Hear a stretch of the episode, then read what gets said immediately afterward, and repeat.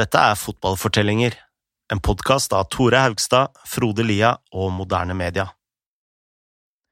I 1928 skriver den berømte magasinredaktøren Broco 2 at Argentina burde lage en statue av den ideale argentinske fotballspilleren.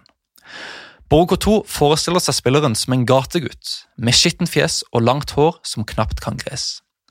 Han har en munn full av små tenner, nedslitt etter å ha spist gårsdagens brød. Knærne hans er dekka av sår, han går barbent eller med hullete sko, og han dribler med en ball som er laga av tøy. Hvis denne statuen en dag blir laga, skriver Borgo 2, vil det finnes mange av oss som vil ta av oss hatten foran den, som vi gjør i kirka. 32 år etter at Borgo 2s artikkel ble publisert, kommer denne statuen til live.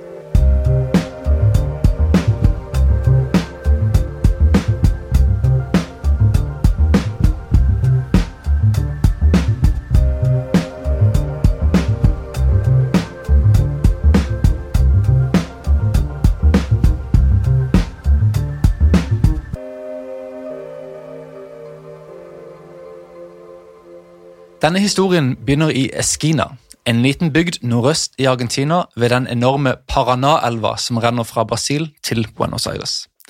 I Esquina bor Chitoro Maradona. Snart møter han Dalma Salvadora, ei jente med røtter fra Italia. Paret bor i en liten hytte ved elven. Arbeidet til Chitoro er tungt og dårlig betalt.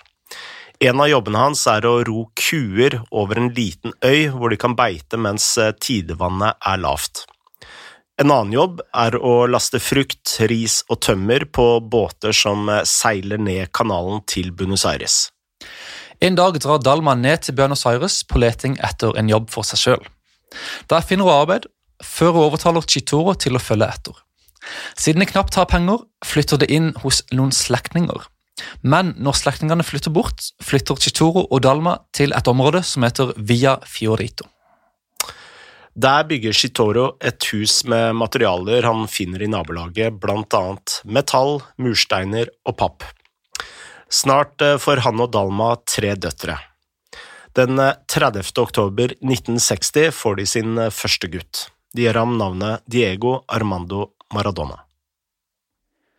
Dette var altså kortene som Maradona fikk utdelt i livet.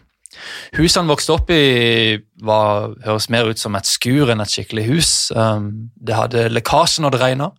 Det var verken strøm eller innlagt vann. Familien brukte tomme oljetønner på 20 liter for å hente vann fra en kran i gata. Og Dette brukte de til drikkevann, til å vaske seg, til å vaske klær og til å lage mat. Villa Fiorito lå ved Matanza-elven, som markerte skillet mellom fattig og rik i Buenos Aires. Området var visstnok så farlig at politiet ikke turte å ha en politistasjon der engang. Om det skjedde noe, rykket de heller inn med buss.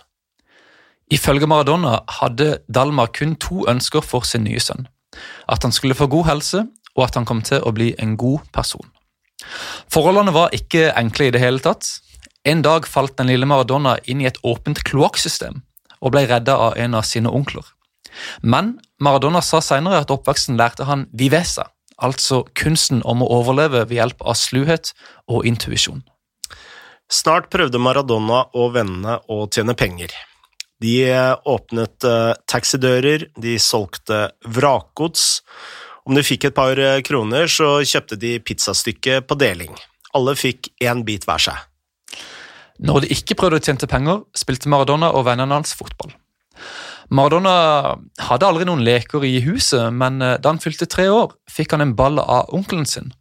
Samme natt sov Maradona med ballen i senga. Maradona hadde med seg en ball hvor enn han gikk. Når skolen var ferdig, spilte han i stekende sol på harde jordområder fulle av grus. På vei til skolen neste dag trikset han med en appelsin eller en ball laget av tøy. Da Maradona var åtte år, ble han oppdaga på gata og fikk trene med guttelag til Argentinos Juniors, en klubb med A-lag i toppdivisjonen. Og han var umiddelbart langt bedre enn resten på treninga. Så god var Maradona at treneren krevde oss identifikasjon. Han nekta å tro at denne gutten kun var åtte år. Det er her man først kan se sammenhengen mellom Maradona og statuen som Borocco 2 forestilte seg i 1928. På 20-tallet var Borocoto redaktøren i El Grafico, Argentinas mest eh, respekterte fotballmagasin. Men hvordan ble denne gategutten en beskrivelse av den eh, ideelle argentinske spilleren? Svaret på det går langt tilbake i tid, og derfor har vi fått med oss Jonathan Wilson, en av verdens fremste fotballhistorikere. Jonathan har bl.a. skrevet en bok om fotballens historie i Argentina, kalt Angels with Dirty Faces. Et utrolig verk fullt av detaljer og historier og anekdoter, og ikke minst vanvittige personligheter. La oss høre fra Jonathan om opphavet til Borocotos statue.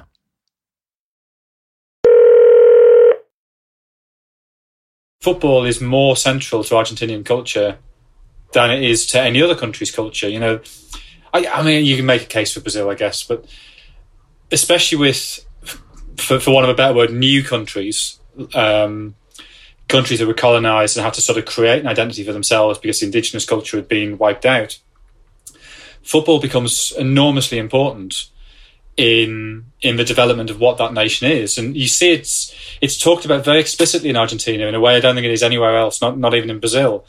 That when when the European powers begin to retreat around the time of the First World War, and suddenly you have this this, this immigrant nation uh, where the indigenous population essentially has been a holocaust. They've been they've been devastated. It's you know a quasi genocide, um, and then you have.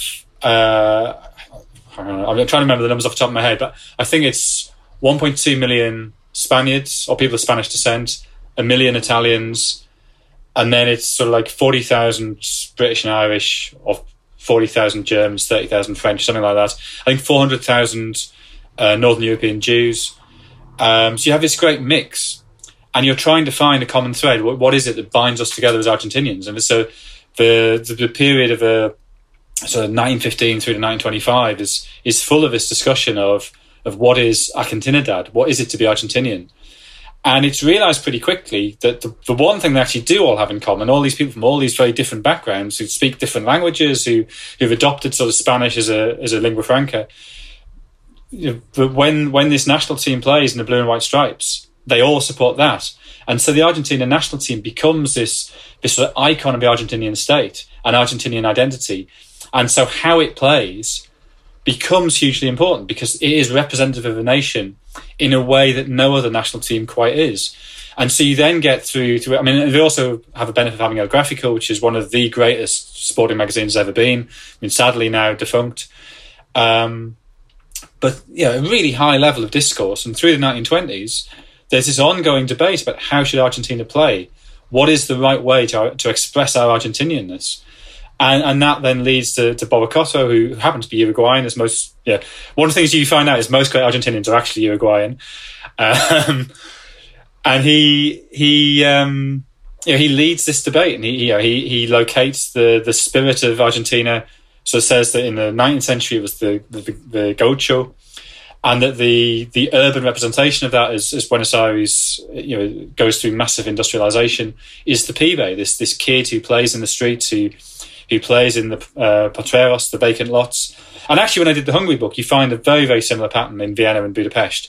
That these cities that, that undergo massive urbanization in the early 20th century, and so kids play in these sort of you know these vacant lots between buildings, and that develops a particular style of play which is very different from the the British style of play, which has been developed on huge fields, and that's why those c- countries' football uh, develops in the, in the, way that they do. Um, and the, the is is the the archetype of that. The the kid, the urchin from the streets, who learned his football not in a school, not with a teacher sort of imposing laws, but he learned to play by his own laws. He learned to look after himself, and because he's playing on this hard, uneven surface, and he you know he's playing in games where maybe you have you know, 20 aside in a very small space he has to have very good tight control and he has to be able to use his elbows to protect himself and so those become the, the things that prize in Argentinian football. And Boracoto in in 1928 I think. It might be 29 writes this, this extraordinary description of it. He said if you to erect a statue to the soul of Argentinian football to the Pibe and he describes the kid with the shock of dark hair and the t- beautiful phrase his teeth worn down by eating yesterday's bread and the you know the, the shirt with the holes in it and the sort of the the cheeky smile And if you gave somebody who didn't know, you know, that passage and said, which footballer is this a description of? They would answer without without a second's thought, oh, it's Diego Maradona.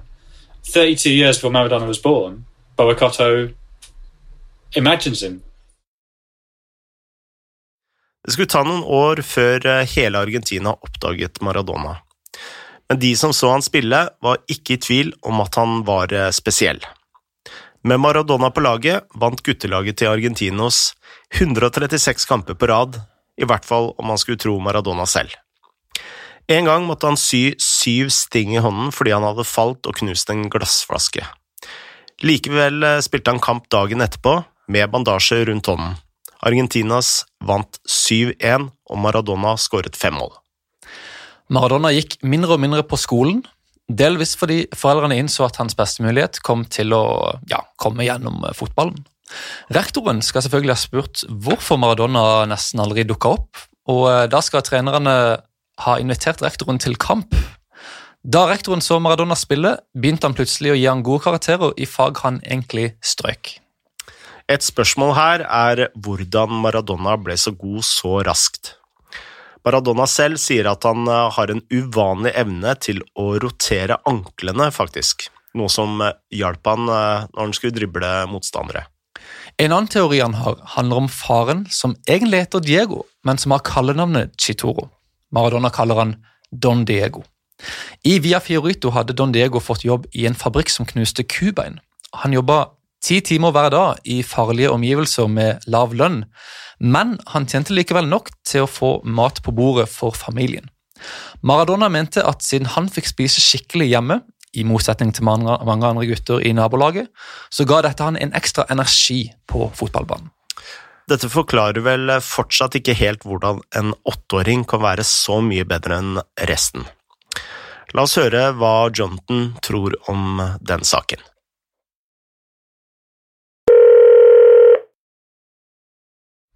I, th- I think he's just a genius. Uh, yeah, you see the same thing about Messi. I mean, Messi. Uh, you know, the story about Messi is he, he showed no interest in football at all till the age of four, and you know his, his dad and his elder brother were a bit annoyed with him for kind of not caring. And then one day he just walks out in the street and is immediately better than his elder brother. Um, I, I, I don't think there is any explanation. I think I, th- I think every every two or three generations you get somebody who is just astonishingly good, and I guess he's in the right place in the sense that he's in a culture where football is is very important. So even though his family was very poor, uh, they would have found some some way of getting him some kind of ball. So probably sort of a bundle of rags, but there'd be something there. And pretty quickly, I think people would have would have tried to buy him a ball. Uh, yeah, there's a there's a famous early photograph of his like the, the sort of uh, the shack that he lives in with a little yard, and they've got this sort of a wire fence. And the fence is sort of you can see where he's kicked the ball against it constantly. It's sort of totally bent. Um, so yeah, he had a he grew up somewhere where that was a, a fairly normal thing to do. Know, he talks about when he when he was going to school how he, would um, you know he'd sort of keep up a rag ball all the way. Which again, you have to see that to, to know to do that, right? If you've grown up in a culture where football is not on TV all the time, where where football is not being talked about all the time, you're never going to think to kind of create a ball out of newspaper or rags or whatever, and and play keep you up on your way to school. So it's partly you have to grow, you know, have to grow up in the right culture and a culture that recognises talent and says, right, let's take him to a club when he's when he's eight years old. Um, so so yeah, it has to be in the right place. But but yeah, I think just a you know a freakish thing that I mean, yeah. The, the other extraordinary thing is is his uh, you know his family weren't footballers. His family weren't sportsmen. You know, his dad was a ferryman on the on the Parana River. Um, there's no sort of familial history of of playing football. Whereas I think Messi's dad had played football to a to a low level. So yeah, some some miracle of genetics creates him. Da Maradona var ti år, ble han bedt om å underholde publikum i pausen under kamper i toppserien. Han gikk ut på banen og begynte å trikse og showe med ballen. I september 1971 ble han for første gang nevnt i en avis. Det var storavisen Clarin som nevnte en gutt de feilaktig oppga som Diego Caradona. Clarin skrev følgende Han har venstrebeint, men kan også bruke høyre. Diego Caradona, som er ti år gammel, høstet varm applaus i pausen under kampen mellom Argentinos juniors og Independente. Han bydde på et skikkelig show, med en sjelden evne til å kontrollere og drible med ballen. Drakten er for stor for ham, og håret hans gjør at han knapt klarer å se. Han ser ut som han har rømt fra ødemarken. Han kan legge ballen død, for så å løfte han opp med begge føtter. Han oppfører seg som om han var født til å bli fotballspiller. Han ser ikke ut til å tilhøre vår tid, men han gjør det likevel. Han har en veldig argentinsk kjærlighet for ballen, og takket være ham vil fotballen vår fortsette å nyte godt av store spillere. Snart begynte Maradona å spille med spillere som var eldre. Men ifølge Maradona-biografien til Jimmy Burns, en annen bok eh, som vi anbefaler eh, på det sterkeste, sto det i Fotballforbundets eh, regler at han ikke hadde lov til dette. Burns skriver videre at Argentinos registrerte Maradona under navnet Montagna for å komme seg rundt denne regelen. I en kamp mot Boca Juniors lå Argentinos under 3-0 til pause. Da satte de inn Maradona, som skårte et hat trick. I kampens hete glemte en av argentinerspillerne seg og ropte ut 'Diego!' Etter kampen skal Bocas trener ha sagt at om dette er Montagna, så er jeg kineser. Dere har lurt med dere Diego Maradona på laget. Dette til tross så skal ikke Bocas trener ha gjort noe mer med dette regelbruddet. Selv ikke Maradonas rivaler kunne protestere når de så en slik artist. Dette ble fort en trend rundt Maradona talentet hans eh, var så spesielt at det hevet seg over eh, regelverket. Både på banen og på skolen var Maradona over loven. Ifølge Maradona selv eh, skal han ha skåret et mål med hånden mens han spilte for guttelaget. Målet sto. Snart rykka Maradona stadig nærmere førstelaget. Da han var 15 år, ga klubben han en egen leilighet. Han fikk nå råd til å flytte familien ut av Via Fiorito, og Don Diego kunne endelig slutte på fabrikken. I oktober 1976 gjorde Maradona sin debut for A-laget til Argentinos. Det var like før han eh, fylte 16 år, noe som gjorde ham til eh, tidenes yngste spiller i toppserien. Han begynte på benken og kom inn i andre omgang. Fansen ropte 'olé' for å ønske ham eh, velkommen. Argentinos tapte 1-0 mot Talares, men Maradona fikk vist seg frem. Med sitt første touch så slo han faktisk en tunnel. Nå så hele nasjonen hvor spesiell Maradona var. Og de som kunne sin historie, kunne også se parallellen mellom denne statuen Borcoto hadde forestilt seg i 1928, og denne gutten som nå spilte på Argentinos. Jonathan Wilson fortalte oss om hva denne parallellen betydde for Maradona.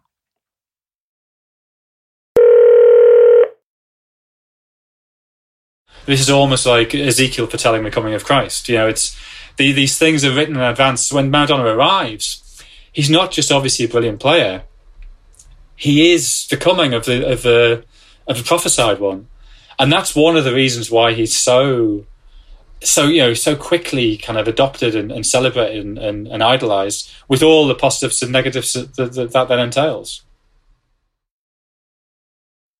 Allerede nå fremstår Maradona altså som en, na, nesten som en slags gud. Vi spurte Jonathan et annet spørsmål. Trodde Diego på denne fremstillinga selv? Yeah, I, th I, think that is true, and I, think it's because he's he's obviously told that. Um, he's told that he's special. He, he's told that he's he, you know he's going to be the greatest, and he must know. He must he must realize that from being incredibly young, he's playing against players three, four, five years older than him and he's better than them.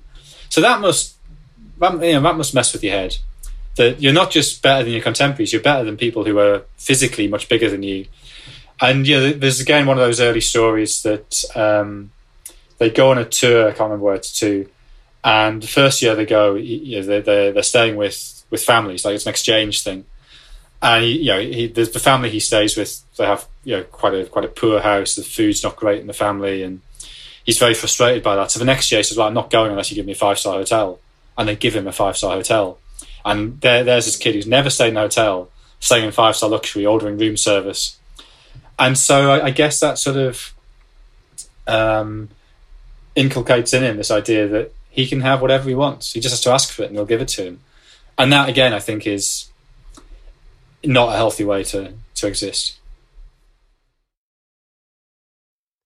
Fire måneder etter debuten for Argentinos debuterte Maradona for Argentina i en vennskapskamp mot Ungarn. Han var nå et nasjonalt fenomen. Sirkus Maradona var for alvor i gang.